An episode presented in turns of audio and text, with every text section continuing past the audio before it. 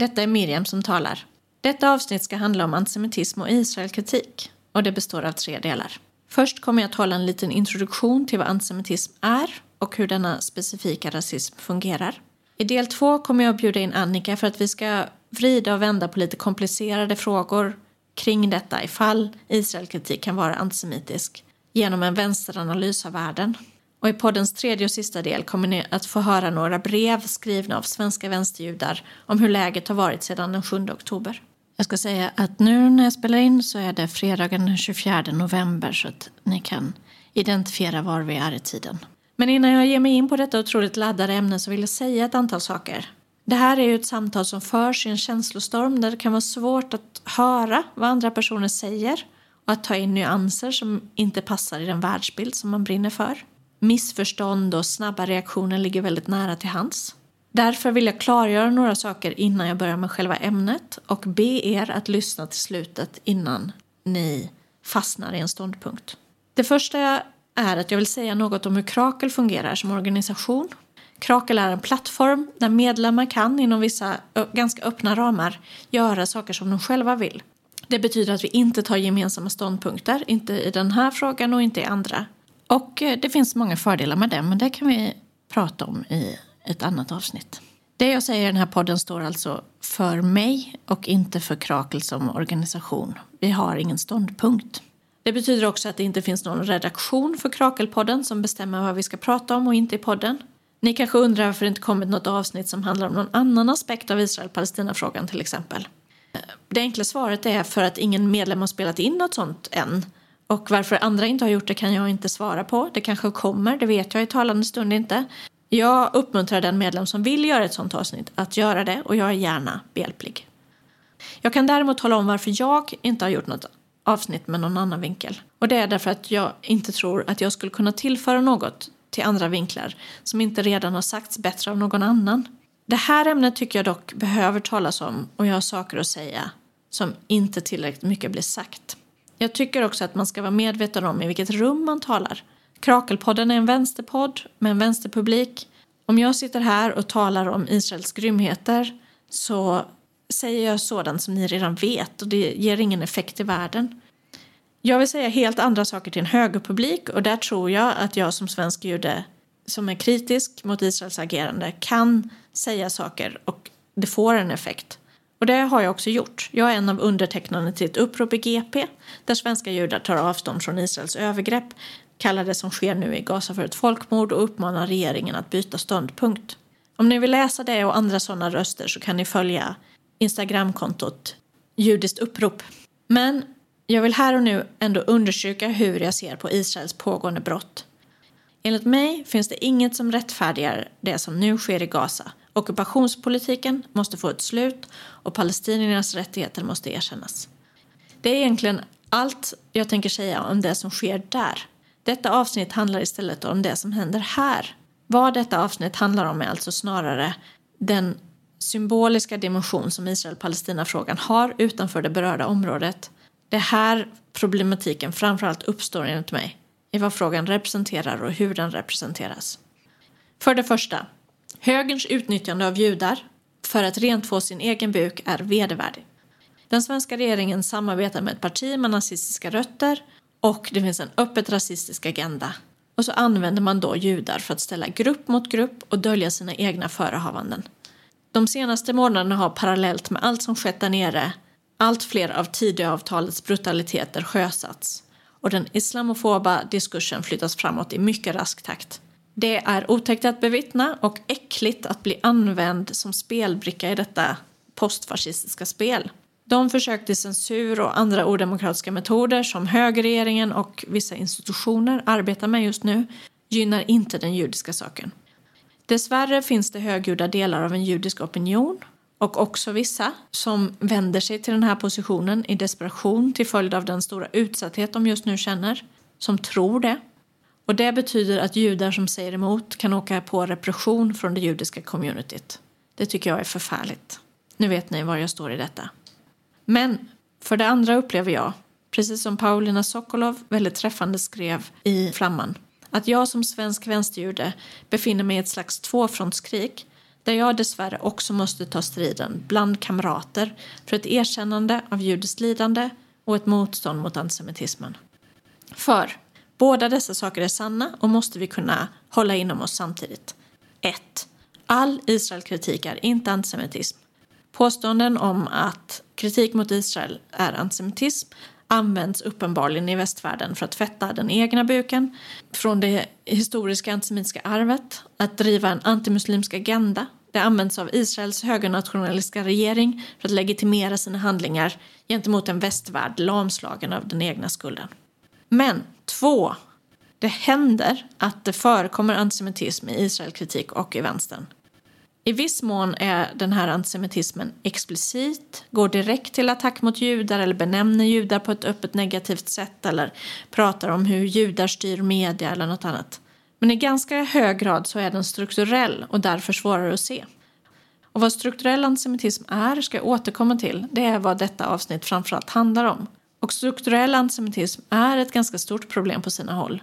Det är tillräckligt stort för att göra judar otrygga både i och utanför rörelsen oavsett hur de förhåller sig till Israel-Palestina-frågan. Och detta avsnitt syftar till att belysa hur och att folkbilda kring hur man kan bedriva sin Israelkritik på ett sätt som inte faller i den här fällan. Och varför är det viktigt? Med stor frustration så läste jag Proletärens ledare som hånade Paulina Sokolov för att hon tyckte synd om sig själv samtidigt som bomberna faller över barnen i Gaza. Och det tycker jag förstås är en misstolkning av vad detta handlar om. Och här är tre argument till varför det är viktigt att Palestinarörelsen aktivt arbetar för att motverka antisemitism i de egna leden. 1. En trovärdig antirasistisk rörelse måste motarbeta rasism av olika slag. Det är förkastligt av någon som ser sig som antirasist att acceptera förtryck av en grupp som någon slags collateral damage i sin kamp. 2. Den rasistiska världsordningen hänger ihop. Rasism mot judar och mot muslimer är en del av samma maktordning som gynnar det vita väst. Högern ställer upp grupper mot varandra. Vänstern ska inte gå på det. 3. En strukturell antisemitism försvårar för en korrekt och vass politisk analys. Den bygger på felaktiga binariteter. Den bygger på att man faller ner i en grumlig maktförståelse och försämrar därför möjligheten att bedriva vänsterpolitik på ett bra sätt. Och den här strukturella antisemitismen är ett gammalt problem i delar av vänstern. Antisemitism har kallats för dumskallarnas socialism därför att det länge funnits en tendens att förenkla en komplex världsordning på ett konspiratoriskt sätt där man skapar en fiendebild med judisk profil. Det här sker naturligtvis inte enbart i vänstern. Men jag, som befinner mig i vänstern, ställer kravet på vänstern att undvika denna fälla. Något som jag brukar anföra som en anledning till att vänstern i Sverige inte är så bra på att identifiera antisemitism är att den lider brist på judiska röster. Jag ser nu hur de upprop mot den israeliska politiken som jag och andra judar har undertecknat de senaste veckorna hålls upp som sköldar av vänstermänniskor som samtidigt reproducerar antisemitiska föreställningar. Och det är mycket besvärande. Ni måste klara av att lyssna på judiska röster även när de säger andra saker än att de tar avstånd från Israel. Ni får inte tokenisera judar. Ni får inte tvinga oss att performativt agera som så att säga den goda juden för att bli accepterade eller skyddade av er. Antirasismen måste vara emot rasism oavsett politisk position hos den som blir utsatt. Och precis som när det gäller andra förtryckta grupper så finns det mycket att lära av att lyssna på judiska personer och försöka empatiskt förstå varifrån de kommer. Även om man inte alltid håller med om vad de tycker. Stanna kvar i det här avsnittet till slutet så kommer ni få ta del av brev från en rad andra vänsterjudiska röster också. Jag känner också att jag behöver säga det här. I ett samtalsklimat som domineras av propaganda, förenklingar, rasism och starka fiendebilder så är det viktigt men svårt att inte själv falla i fällan och börja se världen i svart och vitt. Så jag vill uppmana dig som lyssnar att stå upp för rätten att vara intellektuellt nyanserad, att vara empatiskt generös och att se strukturen i rasismen men människan i den andra. I linje med det vill jag också med ödmjukhet säga att jag är inte bombsäker på något av det jag säger i det här avsnittet. Hela det här ämnet är alltför komplext och jag är på en ständig läranderesa. Ni har säkert också saker att lära mig. Jag förbehåller mig rätten att vara det, att ändå våga säga någonting och jag uppmuntrar alla andra som säger saker att försöka vara li lite mindre tvärsäkra också. I linje med detta så omfattar detta avsnitt givetvis inte allt som går att säga om den här frågan. Det är allt för stort, allt för omfattande. Jag har gjort ett urval som säkert kan kritiseras, som säkert kommer att kritiseras, men jag har varit tvungen att dra gränsen någonstans för att överhuvudtaget kunna säga någonting. Jag hoppas att ni har en förståelse för det. Nu är det snart dags för mig att börja med själva innehållet i den här podden. Men först vill jag säga tack till alla er som har hjälpt mig att formulera mig i förberedelserna till den här inspelningen. Först och främst andra vänsterjudar. Ett särskilt och stort tack till personen bakom Instagramkontot Det koloniala judiska perspektiv som bidragit väldigt generöst med kunskaper och insikter. Jag rekommenderar er att följa detta konto för att få tillgång till ett skarpt vänsterjudiskt perspektiv som jag tänker att ni kanske inte är bortskämda med allihop. Okej, nu börjar det.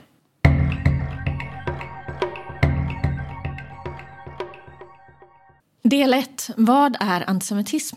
En första sak som jag vill eh, räta ut det är att antisemitism alltså inte är rasism mot alla som talar semitiska språk vilket är en klassisk misstolkning som alltid cirkulerar när ämnet är på tapeten. Antisemitism är ett begrepp som härrör ur den antijudiska politiska rörelse som uppstod på mitten av 1800-talet och som ville särskilja sig från den kristet drivna antijudaismen för att den menade att problemet med judarna inte var religion utan ras. Antisemitism har alltså alltid uttryckligen handlat om hatet mot judar och att försöka blanda bort det, som man ser ibland, är problematiskt. Så vad är då antisemitism och vad särskiljer och liknar från annan rasism? Här finns förstås inte en ståndpunkt utan både den historiska och teoretiska forskningen pekar åt olika håll och jag kan inte redogöra för hela den diskussionen. Men jag tänkte lyfta fram några centrala bitar.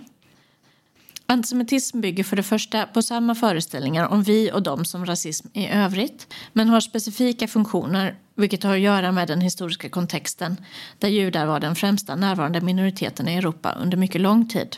Jag tycker överhuvudtaget inte egentligen att det är meningsfullt att prata om rasism i singular utan brukar prata om rasismer därför att rasismer mot olika grupper fyller olika funktioner och har olika specificiteter. Antisemitismen är då en unik form av rasism som bygger på motsägelsen i att judar både konstrueras som överrepresenterade i maktpositioner, alltså till exempel i föreställningen om att judar kontrollerar banker eller media, eller till och med att judar styr världen, där falsariet eh, Sion vises protokoll har spelat en stor roll för att sprida denna myt. Men också att judar samtidigt ses som rasligt underlägsna i en europeisk tradition har judar till exempel beskrivits som råttor och ohyra. Judar ses alltså som underlägsna men samtidigt som alldeles för mäktiga och därigenom hotande. Antisemitismen kan inte bara förstås som uttryckligt judehat som enskilda besitter utan det finns en diskursiv och strukturell dimension som ligger i botten till de enskilda uttrycken. Och det här är viktigt att förstå. Och det här kan jämföras med hur vi förstår patriarkatet vi betraktar det ju i alla fall oftast inte som att det är kvinnohat som styr den ojämställda fördelningen av ansvar för hem och barn i heterorelationer. Eller hur vi förstår annan rasism. Det är oftast inte medvetna föreställningar som gör att personer som rasifieras som icke-vita blir diskriminerade på arbets eller bostadsmarknaden. Det här är en kunskap som är ganska utbredd eh, och i botten på dessa strukturer, liksom på den strukturella antisemitismen, vet vi att det finns en världsordning som särskiljer och hierarkiserar enligt historiska mönster. Men man behöver lära sig hur de här systemen fungerar för att kunna identifiera dem. Och likadant är det med strukturell antisemitism. Så vi behöver lära oss att se det på samma sätt som vi feminister och antirasister lär oss hur vi själva omedvetet kan upprätthålla och återskapa strukturer och diskurser som leder till orättvisor och förtryck av kvinnor, av hbtq-personer och personer som utsätts för rasism. Det finns många aspekter av rasismen mot judar men jag tänkte uppehålla mig vid några som är specifikt relevanta för den här diskussionen. Antisemitismens strukturella dimension handlar bland annat om att antisemitismen tjänar en funktion för samhällen, grupper och individer genom att inrätta en syndabock, en ultimat fiende och en slags polarisering av det som man uppfattar som ont och hotande i en figur som det går att vända sig och ena sig emot. Behovet av detta kommer givetvis inte ur antisemitismen i sig utan det är ett djupare socialpsykologiskt fenomen. Men på grund av historiskt mycket gamla föreställningar och berättelser, troper som man brukar säga, antar denna syndabock lätt en judisk skepnad. Dessa föreställningar om judar reproduceras och existerar latent, alltså på ett underliggande plan. Och man kan spåra dem genom historien och finna mycket liknande troper i vitt skilda sammanhang. Det koloniala judiska perspektiv talar utifrån kognitiv teori om antisemitiska kulturscheman som internaliserade, djupa och omedvetna nätverk av förståelse och kunskap som regelbundet skapas och återskapas, dels i sociala interaktioner, dels genom media och andra berättelser. Antisemitiska troper har förankrats i kultur, kulturarv och språk i det globala väst under en mycket lång tid och blivit en del av kulturschemat hos många människor som ofta ovetande reproducerar antisemitismen i skrift och bild. Slutcitat. Liknande berättelser, bilder och troper går igen i vitt skilda sammanhang. Till exempel kan man se det i kalla krigets propaganda där både Sovjet och USA använder sig av ett liknande antisemitiskt bildspråk för att eh, svartmåla den andra sidan. Och anledningen till att de här troperna går igen är för att de fyller samma funktion. Alltså att hitta den ultimata fienden, att utmåla vem som är i ett postkristet sammanhang, Satan på jorden. Och vi ska snart gå igenom dessa troper. En aspekt av detta är den monolitiska dimensionen i föreställningen om judar som innebär att man ser alla judar som likadana. För att förstå strukturell antisemitism måste vi vända oss till historien och ta en titt på några av dessa troper. Om ni vill ha en pedagogisk och lättillgänglig resurs till fördjupning så rekommenderar jag till exempel hemsidan Antisemitism då nu som är en resurs som är framtagen för, av Forum för levande historia och Svenska kommittén mot antisemitism. Och där gås historien om dessa troper igenom på ett sätt som är lätt att ta till sig. Den första av de här historiska troperna som jag vill lyfta är föreställningen om judar som förrädarna eller att judar skulle ha en dubbel lojalitet. Den historiska bakgrunden till den här tropen är eh, kristendomen och eh, bygger på det som kallas för decidmyten, det vill säga idén om att det var judar som dödade Jesus. Och tanken bakom den här idén är att eftersom judar dödade Jesus så är de allierade med Satan. Men det här har förstås överförts till en mycket mer symbolisk dimension där man inte har samma behöver ha samma idéer om eh, att Jesus har existerat för att ändå använda den här, det här gamla kulturschemat till att dela upp världen i gott och ont och placera det onda på den judiska sidan. Här finns alltså ett starkt irrationellt element i att se världen som bestående av änglar och Satan. Även om man inte identifierar de polerna på just det kristna sättet längre. Den här tropen kan man känna igen genom liknelser vid Satan. Det kan vara djävulshorn eller mer eh, indirekta former av demonisering. Egentligen allt som pekar mot djävul och helvete. Man kan också se det här genom ett bildspråk som använder sig av ormen till exempel. Ormen som då teologiskt är symbolen för någon som är falsk, lögnaktig och illojal. Den andra tropen jag tänkte ta upp är blodsförtal. Det här är också en mycket gammal trop som också har sitt ursprung i den här myten om att judarna dödade Jesus och har sedan gått igen i föreställningen om att judar är särskilt blodtörstiga. En modern version av detta är föreställningen att judar suger livskraften ur världen och ur samhällen som blir angripna och att judar på något vis behöver oskyldigt blod för att överleva. Den här tropen känns igen genom bildspråk som anspelar på judar som vampyrer eller andra blodsugare eller som gamar eller andra asätare. En specifik dimension av den här tropen är idén om judar som barnamördare. Och här finns en historisk bakgrund som går tillbaka till medeltida föreställningar och som reproduceras i ständigt nya former. Alltså idén att judar mördar barn för att använda sig av deras blod. Och den här kan vara komplex att känna igen när det gäller Israel-Palestina-frågan eftersom många barn faktiskt dör i Israels bombräder. Och det vill man ju kritisera för det är fruktansvärt. Men det antisemitiska i föreställningen ligger i en tanke om att själva motivet skulle vara att döda barn på ett sätt som skiljer sig från hur andra militärmakter skulle göra. Inte att det är en följd av en avhumaniserande likgiltighet som finns i all rasistisk militarism, vilket jag skulle använda som förklaringsmodell. Den tredje och sista tropen jag tänkte ta upp är föreställningen om globalister eller idén om maktfullkomlighet. Den här myten om en judisk världskonspiration har rötter i medeltiden och har sedan gått igen i många samhällen och olika former. Här finns föreställningar om judar som en styrande elit som är skyldig till allt som gått fel i samhället där judar föreställs ha en överdriven makt över politik, över ekonomi och media. Den här idén kan ni känna igen på följande sätt. Om föreställningar om judar som snåla, giriga eller drivna av pengar. Föreställningar om att judar styr media. Konspiratoriska symboler som dockspelaren, spindeln eller det allseende ögat i sammanhang som har med judar att göra. Och den här sista tropen leder oss in på frågor om konspirationism.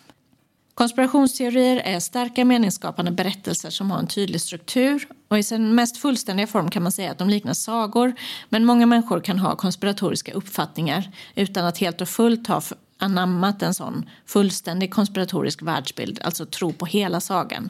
Men det finns ändå vissa komponenter som går igen över hela det här spektrat.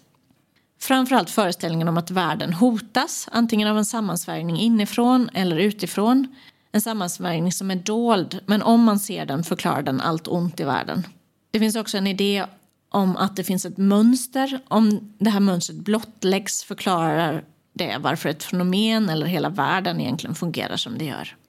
Och bakom detta mönster finns en ond plan som drivs av en sammansvärjning där allt sker i hemlighet men det går alltid för den som har avslöjat sanningen om denna sammansvärjning att finna så kallade bevis.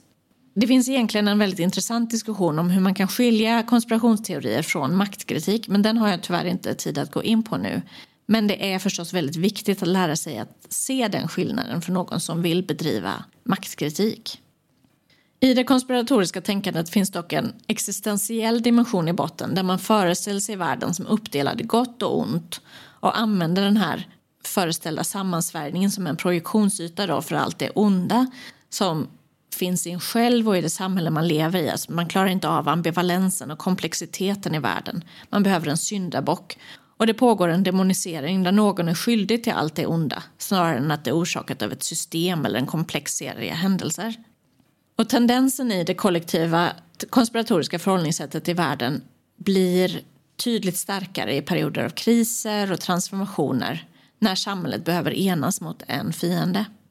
Konspiratoriskt tänkande döljer sig ofta i bildspråk eller i ett poetiskt sätt att skriva där teologiska inslag om gott och ont till exempel går igenom. De flesta, men inte alla, konspirationsteoretiska föreställningar är strukturellt antisemitiska av historiska skäl. Eh, om ni minns det jag sa ovan om kulturscheman och hur de går igen i Europa så förklarar det kopplingen.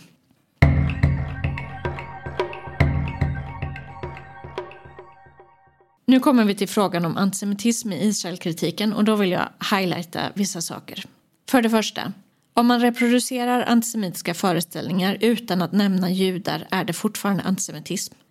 Antisemitismens monolitiska dimension, där man föreställer sig att alla judar är likadana, kvarstår om man översätter det till Israel eller israeler eller sionister och tänker sig att Israel är en enkelt förklarlig entitet där alla är på samma sätt hur antisemitismens troper reproduceras av nazisterna och av andra historiska aktörer skulle en hel del av er säkert ha ganska lätt att känna igen. Exempelvis den mest kända kanske där en jude med stor näsa står lite framåthukad och gnider händerna och flinar. Eller en där judar historiskt avbildas med horn. Men problem uppstår när de ska identifiera dessa troper i modern form eller när de inte explicit nämner judar utan överför troperna på andra fenomen som kan vara mer eller mindre judiska men där just det judiska elementet inte uttalas. En version av detta är George Soros, en ungersk-amerikansk jude som ofta porträtteras eller beskrivs på sätt som är fullt av antisemitiska troper utan att just det faktum att han är jude behöver nämnas. Och samma sak gäller, men nu blir det kanske lite mer komplicerat i huvudet. Avbildningar av Israels premiärminister Netanyahu med horn eller Netanyahu i ett bad av blod. Man är ju på ett sätt rättfärdigad i att känna att Netanyahu är en djävul eller att han badar i Gazas blod. Men man måste förstå att den här historiska kontexten går inte att bortse ifrån. Man måste se mönstret i den typen av avbildningar helt enkelt.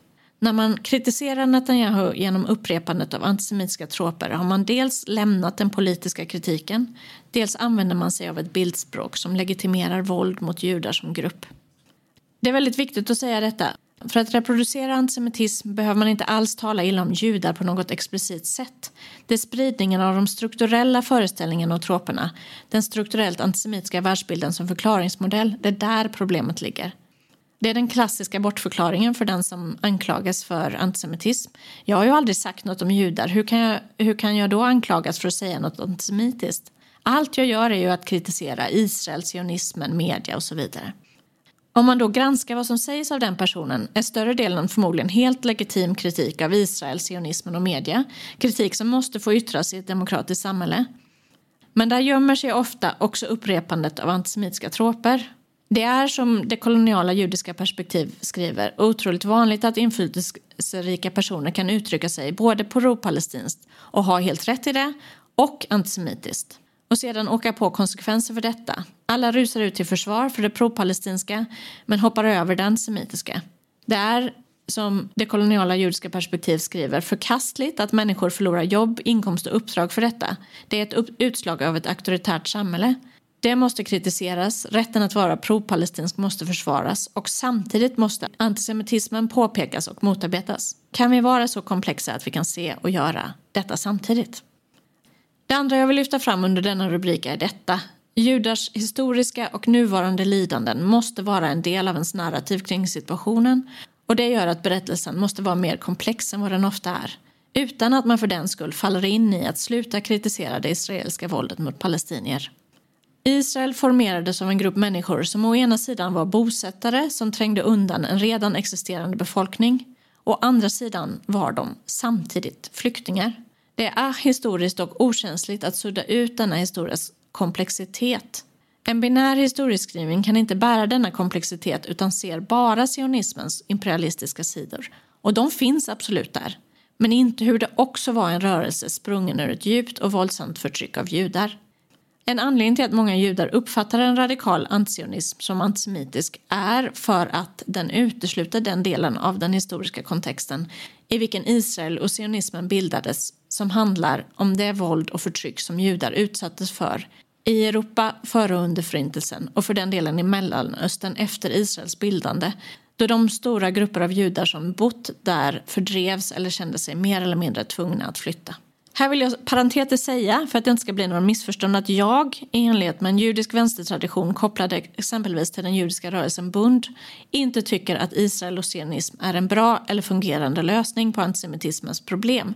Men att inte överhuvudtaget förhålla sig till problemet antisemitism eller till förintelsen och våldsamma förföljelser av judar före och efter den i sin förståelse av vad Israel eller sionism är det är att förneka judisk historia, judiskt lidande och därmed judar som mänskliga.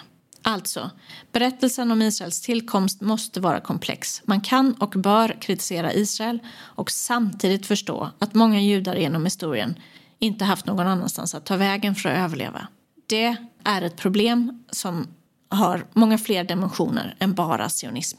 Det är förstås också viktigt att understryka att judar i diasporan, alltså judar som lever utanför Israels Israel och därmed majoriteten av jordens judiska befolkning inte är representativa för Israel samtidigt som man behöver ha en sensitivitet för den emotionella betydelse som Israel kan ha för världens judar.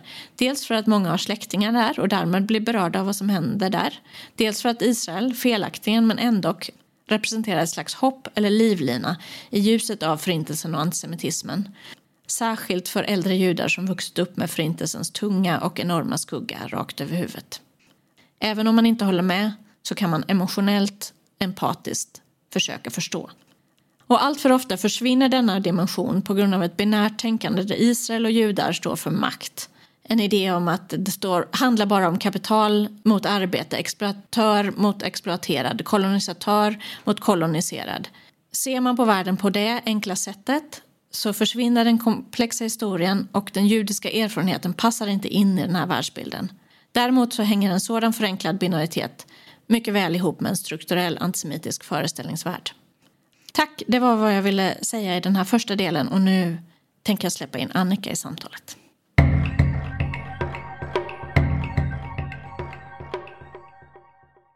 Del två, där jag och Annika försöker lägga en vänsteranalys på frågan om antisemitism och Israelkritik. Välkommen hit Annika. Tack. Min icke-judiska kamrat. Vad är dina generella reflektioner kring vad jag nu har sagt om strukturell antisemitism och om det har någon bäring för det som jag inledningsvis talade om som representationen av Israel-Palestina-frågan? Jag tänkte att jag också vill börja med att säga någonting om varför jag tycker att den här podden är så viktig och behövs. Ehm, alltså varför ska vi prata om vänsterns Israelkritik under ett pågående folkmord som är påhejat av högern, Europa och USA? Ehm, och som du sa inledningsvis så beror det ju på vilket sammanhang man talar i, tänker jag. Eftersom det allmänna samtalet präglas av vedervärdig islamofobisk fascism just nu så känns det som en svår diskussion att ha där. Men den här podden den kommer inifrån och riktar sig till vänstern. Och tack och lov så har vänstern en väldigt god förståelse för och solidaritet med palestinier. Ehm, till skillnad från högern och delar av mainstream media som hejar på ett brutalt folkmord som har föregåtts av decennier av våldsamt förtryck så är vänstern osviklig i sitt nej till den politiken och i sin utmaning av högerns bild av den här situationen. Ja, alltså jag sällar mig som jag alltid har gjort till kören som kräver frihet, trygghet och rättvisa för palestinier. Men problemet är att som en del av den kören så måste jag nu säga ifrån. För i den så hörs allt mer och grövre antisemitiska och reduktionistiska argument och resonemang. Och det går, inte, det går inte riktigt att känna sig som en del av kören längre. Alltså det finns, en, eh, det finns ett allvarligt problem helt enkelt i hur vänstern hanterar den här frågan. Eh, och det är ju kanske inte så meningsfullt att prata med vänstern om problemet med Israels politik. Men det är uppenbarligen välbehövt att prata med och till vänstern om antisemitism. Det som ibland lyser med sin frånvaro är kunskap om antisemitism och solidaritet med världens judar. Det är precis vad jag ofta brukar hävda när jag är i den här diskussionen. Mm. Mm. Det är frågan vad jag ska... Jag har så många olika tankar utifrån det du har sagt och det jag har sett hända på sociala medier senaste tiden. Men inledningsvis så kan man ju fråga sig liksom varför den här frågan är så otroligt viktig för vänstern. Tycker du också att det känns okej okay att börja där? Mm, absolut. Ja. Eh, och då tänker jag liksom att en del av det är för att den är så otroligt viktig för högern. Alltså att det är, eh, det är liksom en projektionsyta för en massa olika aktörer att utkämpa symbolstrider på. Alltså högern använder både Israel-Palestina-frågan men också arguably förintelsen liksom som en del av ett självskapande narrativ om sin egen liksom, godhet och befogenhet på något sätt. Mm. Eh, och det är ju inte... Alltså så här, vänstern ser hur högern också använder anklagelser om antisemitism och påtalanden om liksom judars säkerhet i Mellanöstern också. Eh, eller betonar situationens komplexitet i ett led av att liksom befoga Israels politik.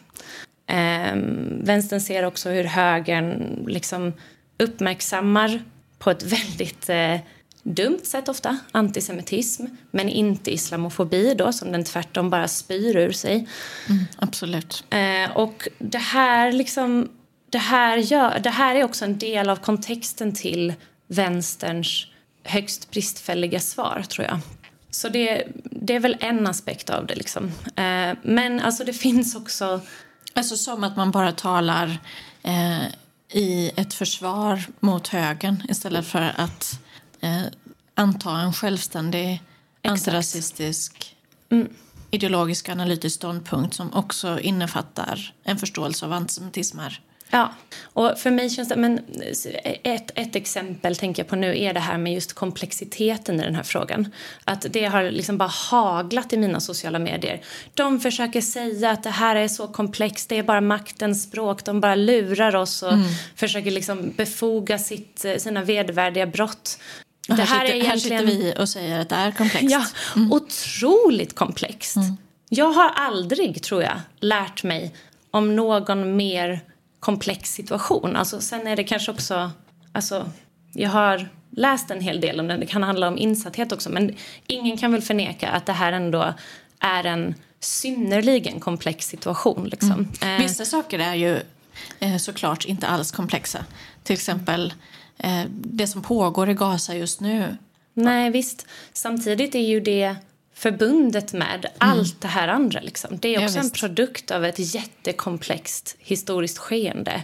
Och det tappas liksom helt bort. Alltså, eh, det här som man ser hela tiden att eh, ja, men kolonisatörerna ska ut. Det här är mycket enkelt. Det är en relation mellan liksom, imperiet och kolonin ungefär. Det är eh, en relation mellan kolonisatör och koloniserad.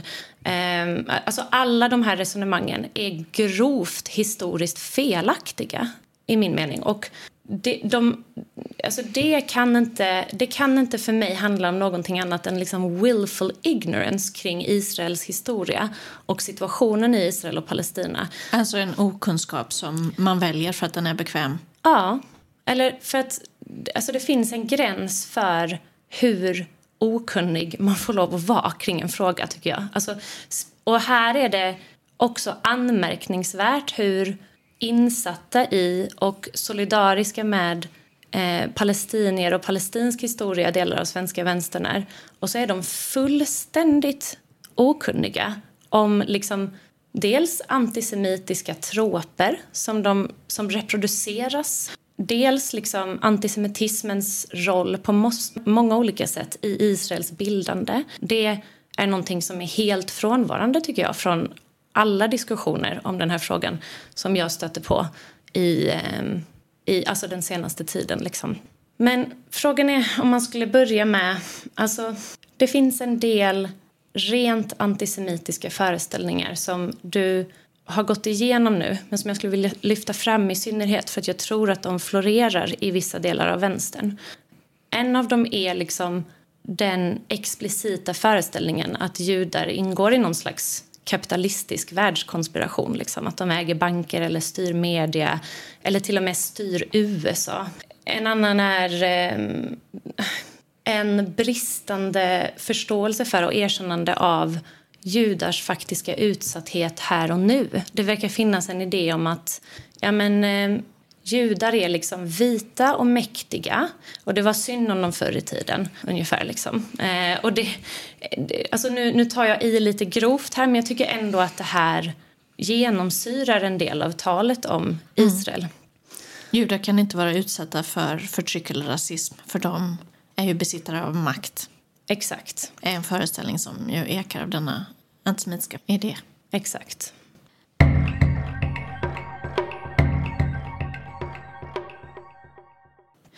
Jag känner ett behov av att bara säga typ att vänstern... Vi tenderar, tenderar lite båda två nu att prata om vänstern lite så här monolitiskt också. Eh, Vänstern är en otroligt stor och komplex rörelse eh, där många inte till exempel skulle stå upp för Hamas. De, men de kan falla i andra av de här fällorna i och för sig ändå. Men kritiken går väl i riktning mot, mot de som ändå har svårt att se det här och i viss mån mot de som försvarar de som har svårt att se det här. Precis. Ja, det finns ju många olika sätt att se på det här inom vänstern. Jag har själv lärt mig mycket av det som informerar min bild på den här situationen i vänstern, vill jag också säga. Alltså, det är inte så att... Alltså, det Du är inte är- lurad av högermedia. Nej, det är, och det är inte heller så som högern säger, tycker jag, att vänstern är särs, särskilt antisemitisk, alltså mer än andra delar av samhället. Jag tycker att i den här frågan så uppvisar alltså vänstern mer antisemitism eh, än den gör någonsin annars och än den gör i andra frågor. Men man kan väl säga så här, typ. Nu, nu kommer vi lite till... Eller nu kommer jag, om det är okej att jag bara vindlar omkring här i det här, den här täta jävla terrängen. Men det, det anknyter liksom lite till um, mm, olika tendenser inom vänstern och den svenska vänsterns historia. Och det här känns lite känsligt för mig att prata om för att personligen tillhör jag den autonoma vänstern eh, och har alltid gjort det. Och den är ju liksom kanske den som eh, anklagas mest av Säpo och högern för att vara antisemitisk. Men det tycker Den jag så är... kallade extremvänstern i den här hästsko-föreställningen. Exakt. Eftersom jag är extremvänster så är jag ju typ nazist. Eh, men eh, enligt Säpo. Liksom. Och islamist. Det är väldigt oklart vad skillnaden är mellan oss egentligen. Men jag skulle säga att det är en del av vänstern som är särskilt alltså, särskilt uppmärksam på antisemitism egentligen. Eh, och jag tror att det finns flera anledningar till det. Dels är det liksom antiimperialism som viktig, bärande, central fråga ingår inte i den rörelsens liksom, arv eller ideologi på samma sätt som den gör i till exempel den leninistiska vänstern där antiimperialism ses som en otroligt central fråga. Eh, och I liksom leninistiska rörelser finns inte heller samma kritik av stater överlag. Det blir liksom lite mindre intressant att befatta sig med konflikter mellan eller om stater när man är emot alla stater i hela världen. Liksom. Mm. Det är en del av det. Eh, sen så är det väl också liksom det är en del av vänstern som är särskilt intresserad av att bekämpa fascism helt enkelt. Och känner intimt till vad det finns för fascism. Mm. Både då och nu. Eh, och vilka föreställningar som florerar inom de rörelserna. För att det, alltså en sak som jag har lärt mig i min del av rörelsen är varför det kan vara problematiskt till exempel att vara kategoriskt antisionist. Jag upplever att det är ett sätt som folk lite skyddar sig från det här att Eh, det, det, finns ju ändå en medvetenhet om att liksom, det finns det här, mm, inte bara inom vänstern utan överlag, liksom ett likställande av Israels regering med judar över hela världen i stort sett. Eller åtminstone, i, i det allra minsta, med, med liksom Israels judiska befolkning. Att den likställelsen är vanlig. Liksom. Och det är ju liksom många inom vänstern som absolut inte vill kritisera Israel på ett sätt som kan uppfattas som att man kritiserar judar eller Israels judiska befolkning som grupp. Och då, då använder man ibland liksom sionism på ett sätt som jag tycker är lite problematiskt. Alltså att man säger att men jag är inte emot liksom judar utan jag är emot sionister. Och så, så, precis som jag sa innan så överför man de mm. antisemitiska troperna och föreställningarna på gruppen sionister istället. Precis. Och tror sig där, därmed ha mm. eh, kommit runt den här problematiken. Exakt. I, själva verket har man hamnat mitt i den. Exakt.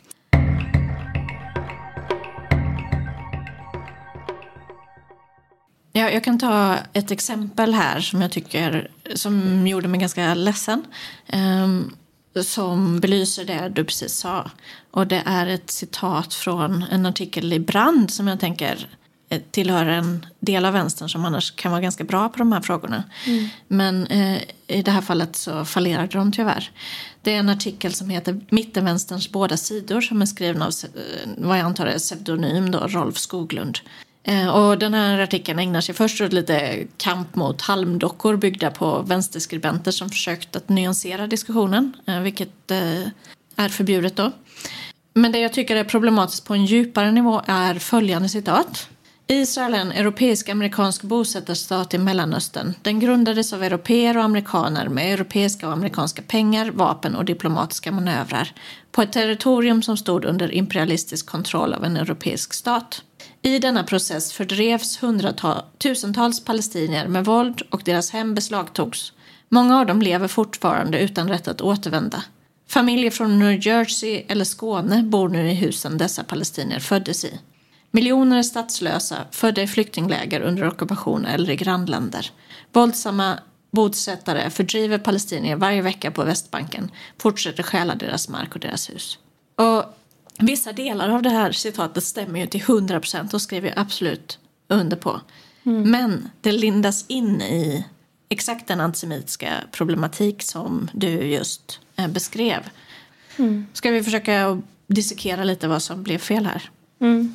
Alltså dels är det ju helt frånvarande att Israel är en stat som är grundad av flyktingar som har flytt ifrån antisemitisk förföljelse både i Europa och i Mellanöstern. Eh, att majoriteten av Israels befolkning består av judiska flyktingar från andra länder i Mellanöstern är helt utraderat här. Mm. Det är bara europeer och amerikaner. eh, tydligen. Um, det, här, det här kan man läsa om på Wikipedia. Det är ingen hemlighet hur Israels eh, demografiska eh, spridning egentligen ser ut. Men mm. här framställs, och i många, andra sammanhang framställs det som att eh, judar är lika med europeer och väst. Mm, precis. Eh, och det är ju liksom strukturellt antisemitiskt i sig på något sätt. Alltså, eh, enligt den genomgången. Jag känner inte att jag behöver kvalificera det vidare för att den genomgången du hade inledningsvis borde göra det tydligt. Ehm, det är också liksom den här överbetoningen av amerikanskt och europeiskt inflytande är jätteproblematisk. Ehm, den liksom den har också på något sätt funktionen att den liksom helt obfuskerar Israels demografi, Israels historia och målar upp Israel och judar i, i stort sett. Liksom. Eh, jag läser, när jag läser det här så tycker jag att likställelsen eh, är stor. Liksom. Det, här pratar man inte om en viss eh, regering eller någonting utan det här är liksom en folkgrupp man angriper. Mm. Eh, man målar upp den här folkgruppen som del av en allsmäktig ondskefull imperialistmakt som liksom styr världen. Samtidigt är det ju sant, alltså Israel grundades med våld och fördrivning. Koloniali alltså, europeisk kolonialism var en del av Israels grundande. Mm. Eh, samtida nykolonialism och imperialism är en del av Israel idag. Liksom. Israel är Absolut. geopolitiskt viktig och intressant för USA. Men det är skillnad på att säga det och att säga eh, de här liksom, koloniala, onda imperialisterna från USA och Europa flyttade till Palestina för att stjäla människors hem och deras mark och döda mm. dem. Mm. Alltså det... Familjer från Skåne och New Jersey personifierar någonting som egentligen är en mycket mer komplex struktur mycket mer komplext. Ja, varf, varför är det så här? För det, det, finns absolut liksom personer från, jag vet inte Skåne, men jag kanske, jag vet inte så mycket om det. Mm, det gör det säkert. Kanske absolut. Skåne och New Jersey som har flyttat till Israel i närtid. Det, det är också sant, liksom. Men det är ju otroligt anmärkningsvärt och direkt, direkt antisemitiskt att de personerna lyfts fram som representanter för, och egentligen den enda sanna representanten för i den här skribentens tolkning, för ett land som är grundat av och huvudsakligen befolkat av flyktingar från antisemitisk förföljelse i både Europa och Mellanöstern. Alltså det är oförsvarbart. Mm. Ja, att inte ens nämna förintelsen i den historiska kontexten. Eh... är obegripligt.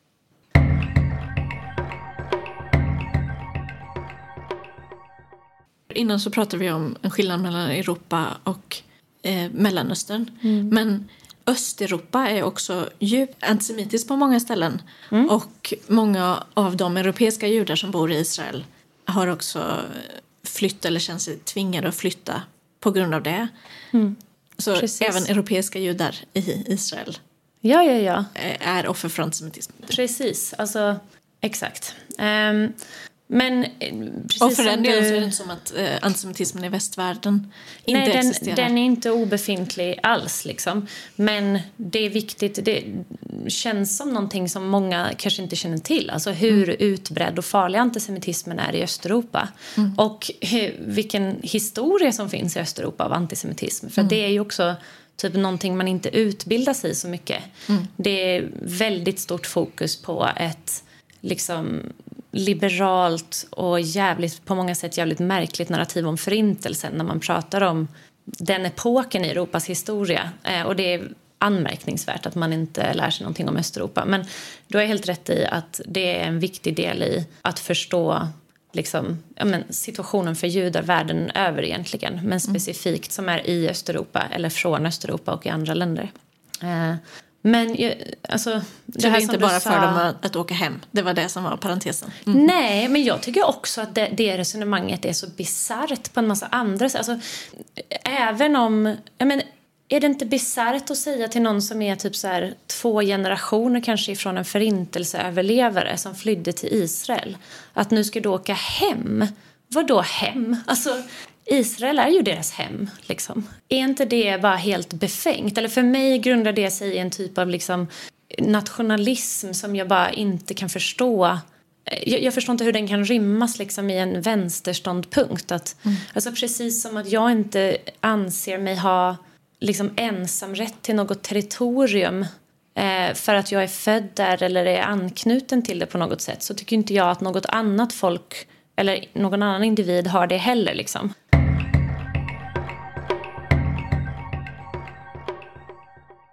Det, det som jag egentligen tycker är mest skrämmande och chockerande när jag hör människor prata om den här situationen det är vad är implikationen av vad de säger? Alltså vad är det som är osagt men ändå där? För att jag undrar så här, vad tänker man sig ska hända med Israels judiska befolkning? Eh, och jag tror att det är en blandning av föreställningar som florerar där. Men en av dem är ju typ de ska åka hem till USA där deras kompisar bor. Liksom. Vi, vänta, jag vill bara bena ut lite för vi kommer in på flera viktiga frågor här. Och det första är det här med hur man ska förstå det här med Israels koloniala ursprung. Eh, där det på samma gång är förstås helt sant att Israel har uppstått ur en brittisk eh, kolonial situation. Att sionismens idéer är besläktade med europeisk nationalism och imperialism. Mm. Men samtidigt finns ju då den här andra dimensionen som också måste benämnas för att man inte ska hamna i det antisemitiska diket. Och det handlar om den judiska erfarenheten av förtryck och förföljelse. Mm. Att det också sprung, springer ur en längtan efter, eller behov av, eh, trygghet och frihet helt enkelt. Mm. Och här, här blir också det här problemet med att föreställa sig Israel som monolitiskt där alla är vita och privilegierade och det finns ingen vänster, mm. Eh, det finns inga kamrater, det finns inga, ingen fredsrörelse i den här föreställningsvärlden. Mm.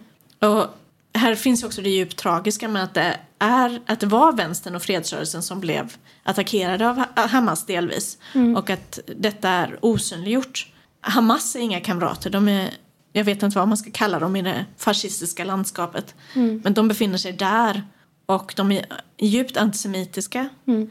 Sen är det kanske förklarligt varför Hamas har uppstått. Men mm. är det för den skull försvarligt vad de har gjort? Ja, nu har jag tappat alla andra tankar jag hade för att det här är en viktig grej för mig. Alltså det, för mig är det, det här är ytterligare en grej som jag tycker är otroligt skrämmande. Eh, hur fan kan det komma sig att det ibland är som att vänstern nästan hejar på Hamas eller ser Hamas som sina, ja men som kamrater, nästan som om de vore en progressiv befrielserörelse. Eh, alltså det, ibland undrar jag genuint, är det så att människor tror att Hamas är ungefär som PKK eller YPG? Att det ens är jämförbara organisationer liksom? För det är det ju överhuvudtaget inte liksom. Och det är en sak att det är en sak att stå upp emot högerns narrativ kring palestinskt motstånd. Det är en sak att ha empati och solidaritet med människor som reagerar på ett helt fruktansvärt förtryck. Så här, det, det tycker jag är en viktig del av medmänsklighet. Alltså jag skulle kanske också vara en galen antisemitisk islamist om jag var uppväxt i Palestina. Alltså det, det är inte, och det är förkastligt att liksom varje våldsamt motstånd som palestinier gör förmodligen oavsett ideologisk prägel skulle beskrivas som vidrig terrorism av mm. eh, västvärldens liksom, ja, politi politiker och liksom i allmänt i högermedia. Typ. Och jag förstår att liksom, vänstern måste stå upp för värdet av att säga människor har rätt att försvara sig mot liksom, ockupation och mot förtryck. Men jag tycker inte att det helt är det som sker i den här situationen. Utan jag tycker att det finns en glidning där, där, där det försvinner på något sätt vad Hamas är för en organisation. Och jag vet inte om det... Alltså jag tror att det kanske beror delvis på okunskap men jag kan inte skaka av mig att det också måste bero på, på någon slags antisemitism. Liksom. På en, alltså, för att det, det måste ju, alltså, om det beror på okunskap så är det verkligen en oförsvarbar okunskap. Liksom.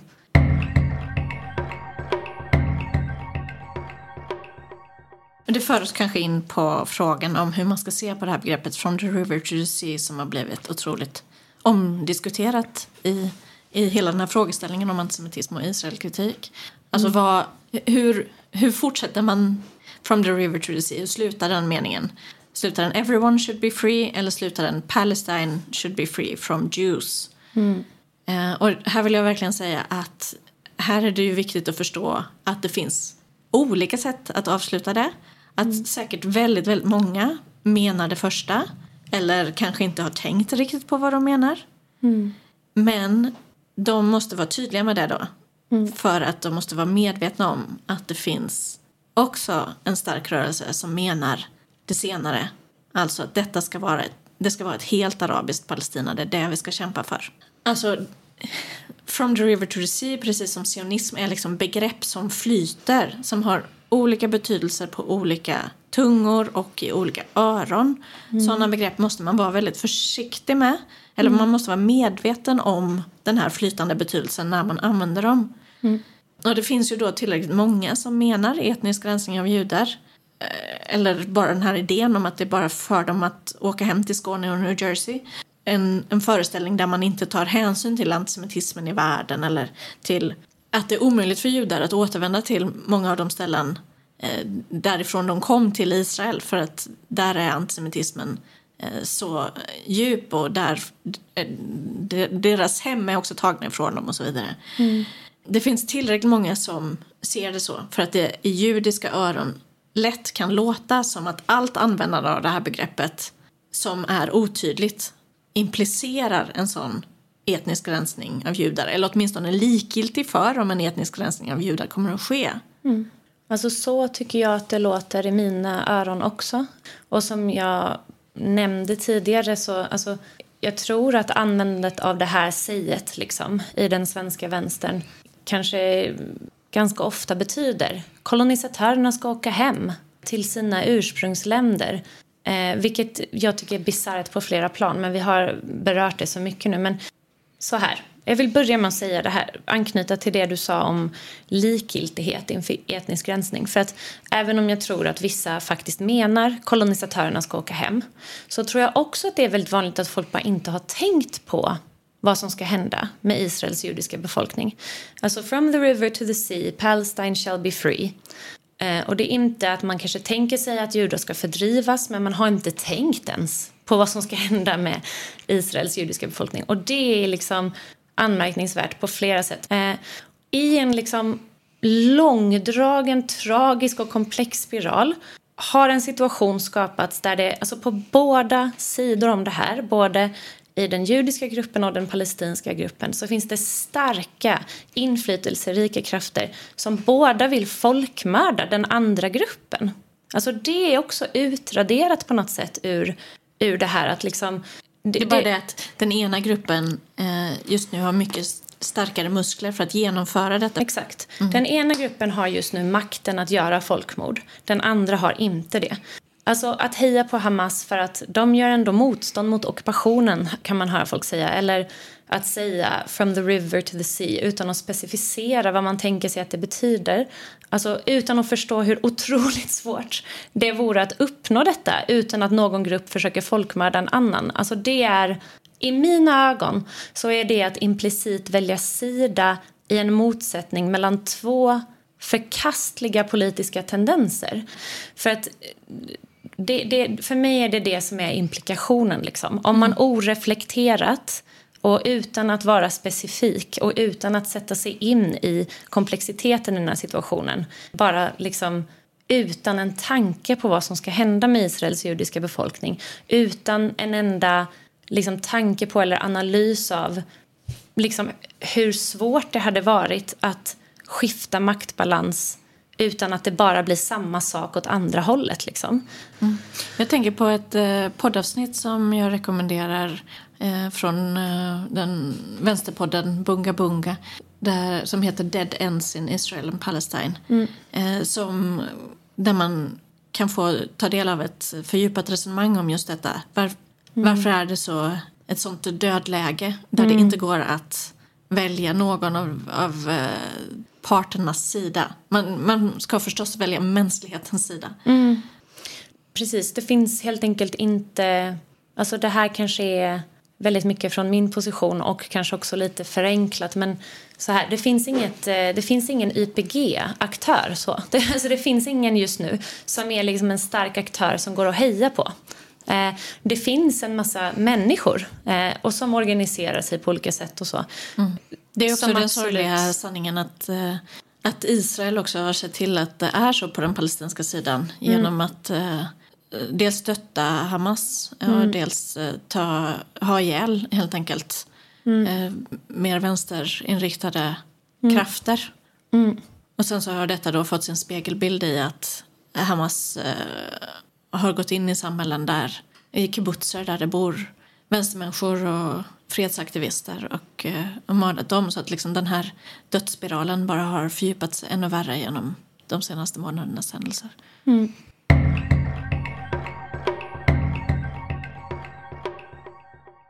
Alltså jag tror liksom kort och gott, eh, det här det, det, är liksom en av de centrala sakerna som jag tycker att vi i vänstern inte får ägna oss åt. Det är att svara på högerns... Det är så komplicerat, därför har Israel rätt till självförsvar. Eh, med att säga det är skitenkelt. Bara mm, liksom befria Palestina, riva upp alla de här eh, liksom, fruktansvärda vålds och maktapparaturerna. då föreställer vi oss antingen då att judarna åker hem eller att alla plötsligt magiskt lever i frid och fröjd. Liksom. Jag tycker att vi måste liksom kunna ha en seriös eh, analys som tar, tar hand om hela den här komplexiteten och, och att den liksom informerar både vår förståelse av varför det är som det är men också vad det är vi ställer oss bakom. Och jag tycker liksom att ja, jag vet inte. Alltså när jag tänker på den här situationen så hamnar jag ofta i att bara, vad fan ska man göra liksom? Ska, vi, ska det vara stalinism? Typ, ska FN bli det FN var tänkt att vara och införa stalinism där alla politiska fiender till fred, både judar och araber, bara liksom bara undanträngs hårt liksom, så att alla andra kan ha ett normalt samhälle. Eh, det låter ju inte så önskvärt, liksom. men det är på riktigt typ så svårt att se en lösning. Eh, att det liksom ofta är där jag hamnar. Och jag, jag menar inte att vi ska organisera för stalinism i Mellanöstern men min poäng är typ att så här, om man inte tar hänsyn till hur, liksom sva, hur försvagade och hårt bekämpade de politiska tendenser som faktiskt vill bygga liksom fred och rättvisa och jämlikhet är i både Israel och Palestina. Om man inte liksom tar in det i sin bild så får man en väldigt felaktig bild på något sätt av situationen och av vilka som är våra kamrater och av vad liksom vägen till en lösning faktiskt är.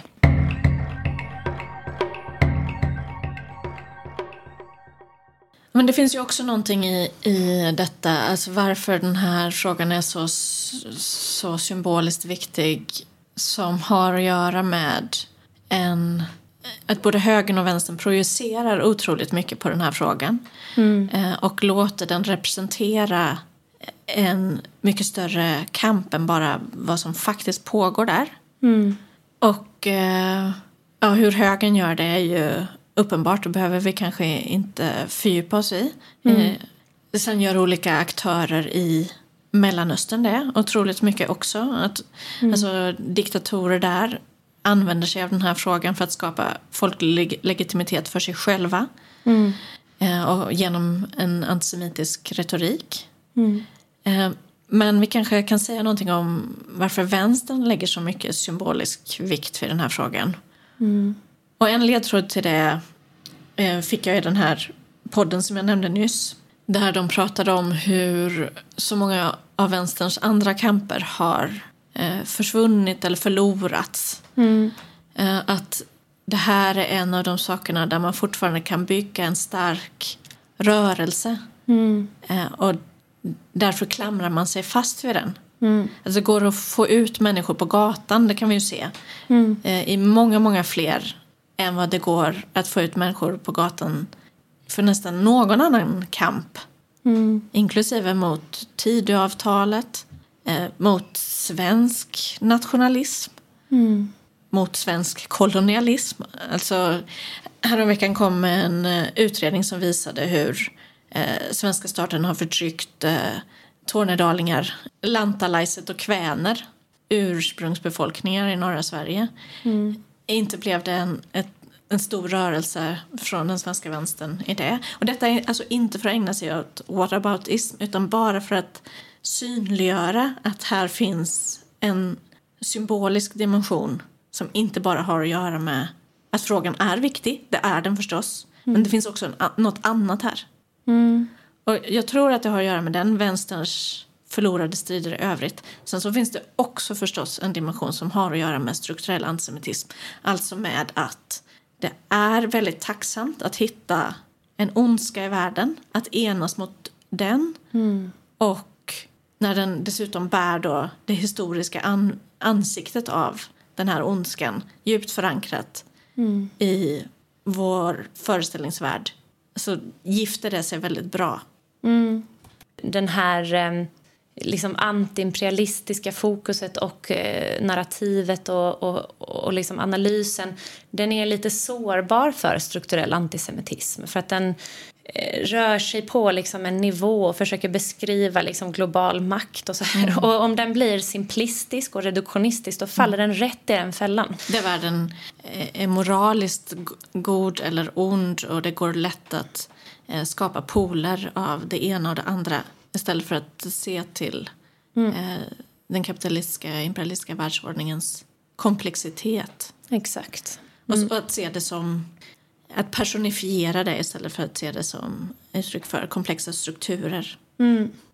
Jag tror liksom, det har vi egentligen berört, men det, okunskapen kring dels liksom Israels historia, antisemitismens historia, antisemitismen nu.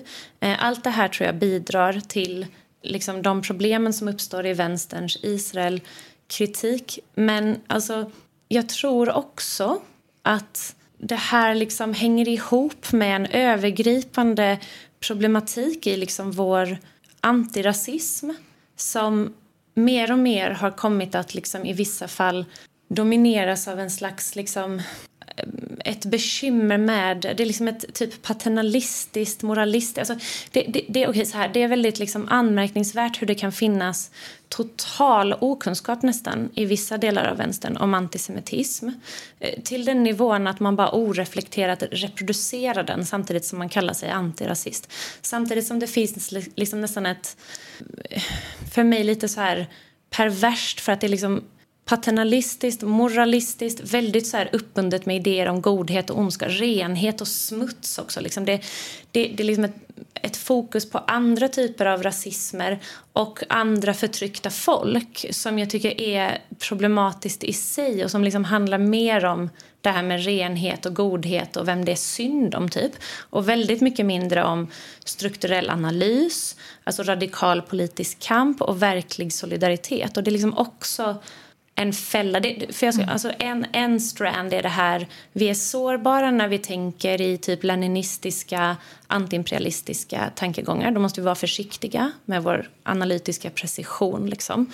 Vi är också sårbara när vi liksom är i någon slags liberal, moralisk antirasism. Typ. Eh, där saknas också precision och där är det också liksom lättare hänt, tror jag, att antisemitiska troper och liksom schemata bara oreflekterat reproduceras. Typ. Tack för det, Annika. Tack för att eh, du hjälpte mig att tänka på detta med din eh, stora skärpa. Och eh, jag hoppas att också lyssnarna har fått en större förståelse för komplexiteten genom det vi nu har sagt. Tack själv.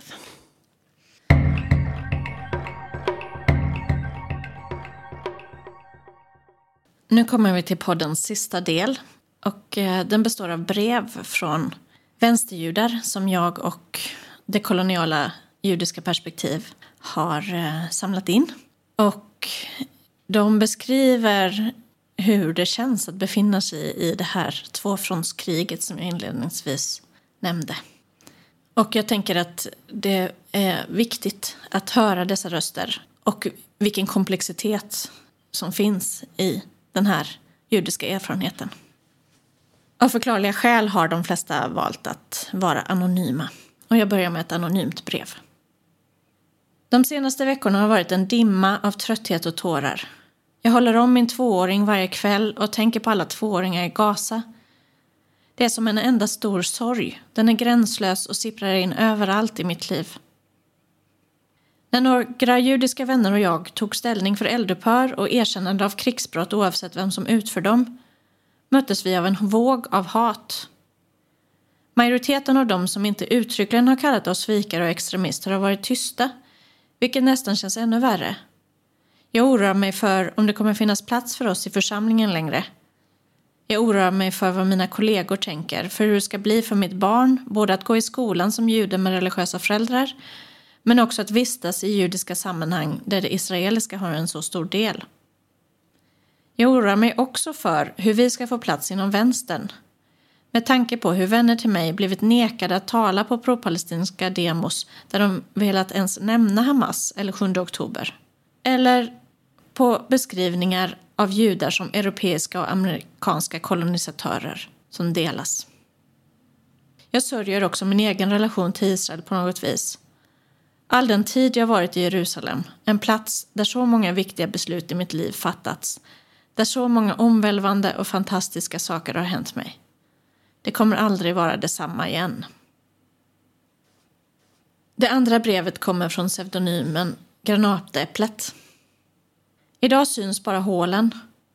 Hål som en gång borrades för att fästa en stjärna som inte längre sitter kvar. Som gav upp och slutligen lät sig slitas från stenen som avlagt ett löfte om evigt skydd och vila.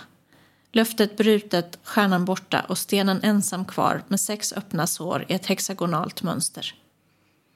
Jag står framför Salomons och Cecilias dubbelgrav på den judiska begravningsplatsen i Malmö och känner stolthet, lättnad och vemod.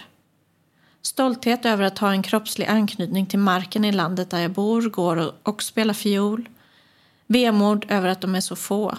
Lättnad över att de fick en grav. Över att åtminstone några av släktingarna fick läggas i marken. I skuggan av en skorsten är det ändå en tröst. Det som plågar mig är de öppna såren i mina gammelmorföräldrars gravsten. Hålen och ärren efter nytt våld där det nu bara finns spår kvar satt en gång en Davidsstjärna i brons. Stulen i ett övergrepp mot dem som inte kan försvara sig. Andra stenar är skändade, sparkade och välta, men deras är för tung. Den sorgligaste formen av glädje, vem sparkar på någon som ligger under marken? Här, där jag känner mig som mest hemma, blir jag också som mest sårbar. Fotbollsklubben Hakoas fotbollsverksamhet lades ner 2013. Där man inte kan garantera de döda säkerhet lever även de levande farligt och då spelar man inte fotboll. Det tredje brevet kommer från en anonym. Ingen av mina vänner har frågat mig hur jag har det sedan den 7 oktober. Hur det känns för mig. Jag har aldrig varit med om det. De frågar ju alltid om annat som jag har koppling till. Alla röster jag vanligtvis följer gör mig numera otrygg, livrädd. Jag famlar i flödet, så mycket hat och våld. Känner mig inte hemma någonstans. Flera av mina vänstervänner skrämmer mig. Men en ortodox man jag aldrig någonsin har känt gemenskap med innan säger något trösterikt och sant om att leva tillsammans i fred. Ingenting är som det brukar, ingen riktning finns att lita på. Och smärtan är att mina kusiner i Israel ger uttryck för något jag inte alls kan stå för, så att jag måste ta avstånd. Pappa är uttryckligen osams med sina syskon. Och demonstrationer och uppmaningar brukade delta i om jag är obekväm och jag förstår det inte. Det är alldeles självklart att vidriga högerregimen i Israel måste sluta bomba Gaza. Varför vågar jag inte gå på demon då? För att jag inte har någon att gå med? Det är en så förvirrande känsla. Existentiell? Pinsam? Smärta? Vem är jag i detta? David Busaglo skriver det känns som att alla tycker att jag är dum i huvudet. Bland judar är jag dum i huvudet för att jag vill förvägra den enda judiska staten sin rätt att existera. Varför är vi det enda folket som inte har rätt till en stat, frågar de. Bland gojiska vänstermänniskor är jag dum i huvudet för att jag inte tycker att hela området ska heta Palestina och styras av en arabisk nationalstat. Varför ska palestiniernas land inte heta Palestina och styras av palestinier, frågar de. Jag trodde att vi var överens om att nationalism är fel Många kallar sig nu antisionister, ändå är de inte anti-Sverige, anti-USA eller anti-Kina. Jag är också antisionist, men det är egenskap av jude. Även om jag hatar USA av hela mitt hjärta är det inte min sak att driva projektet för USAs utplåning. Det måste vara amerikanernas kamp. Om alla länder som gjort sig skyldiga till folkmord eller folkfördrivning ska upplösas blir det inte många länder kvar. Det skulle förvisso vara bra, men det är verkligen inte vad det låter som att dessa människor är ute efter. När vi har slutat göra antinationalistiska aktioner ens under nationaldagen känns antisionism som en direkt osmaklig etikett. Med detta är inte sagt att all antisionism per definition är antisemitism. Men att säga att judar inte får ha ett land när man själv inte bekämpar existensen av ens egen stat har jag svårt att tolka på annat vis. Kampen för fred och lika rättigheter däremot är givetvis av intresse för alla människor. Här kommer ett anonymt brev. Judiska sammanhang har varit en stor del av mitt liv och jag har de flesta av mina vänner där. Vi har setts ofta, bjudit hem varandra ofta, arrangerat grejer ihop, firat grejer ihop. Men sedan jag tog ställning för fred har de allra flesta antingen dragit sig undan eller anslutit sig till dem som bemött mitt ställningstagande med ilska och personangrepp. Jag har fått läsa så mycket aggressivt om vem och hur jag är och hur församlingen inte borde ha plats för sådana medlemmar som mig. Mina judiska vänner har kunnat se det och i vissa fall gillat kommentarer riktade mot mig. Men i princip ingen pratar med mig, ens för att kolla läget. Och då vet jag inte om de håller med eller inte heller. Jag fattar inte vad det är för typ av vänskap. Det känns så otroligt ensamt och det känns verkligen som en social bestraffning för att jag vågat ha en annan åsikt än gruppen. Jag undrar om det är så här det känns att vara med i en sekt. Och här kommer det sista brevet. Jag vill skriva om två känslor, om smärta och om rädsla. Det finns en särskild sorts smärta i att inte få sin sorg erkänd, att inte vara sörjbar. Den smärtan delar vi med alla som avhumaniseras enligt rasismens logik. Jag ser kamrater skriva så klokt om att utöka sörjbarheten till fler men samtidigt utestänga judiska erfarenheter av förtryck, våld och död. Det gör ont. Jag är rädd. Idag är jag rädd för misstänkliggörandet, för nedsmutsningen och för ver verbalt våld. Men än mer rädd är jag för framtiden. Det här är historien om Europa. Ofta när samhällen har varit i gungning har antisemitismen varit en världsbild man har sökt sig till för att få ordning för att finna en fiende för att förklara. Detta särskilt när inga starka socialistiska berättelser finns istället. Om det är den framtiden vi går till möte så undrar jag, kamrater, faller ni dit själva? Eller har ni våra ryggar då? Det sista brevet är skrivet av mig. Tack för att ni lyssnat.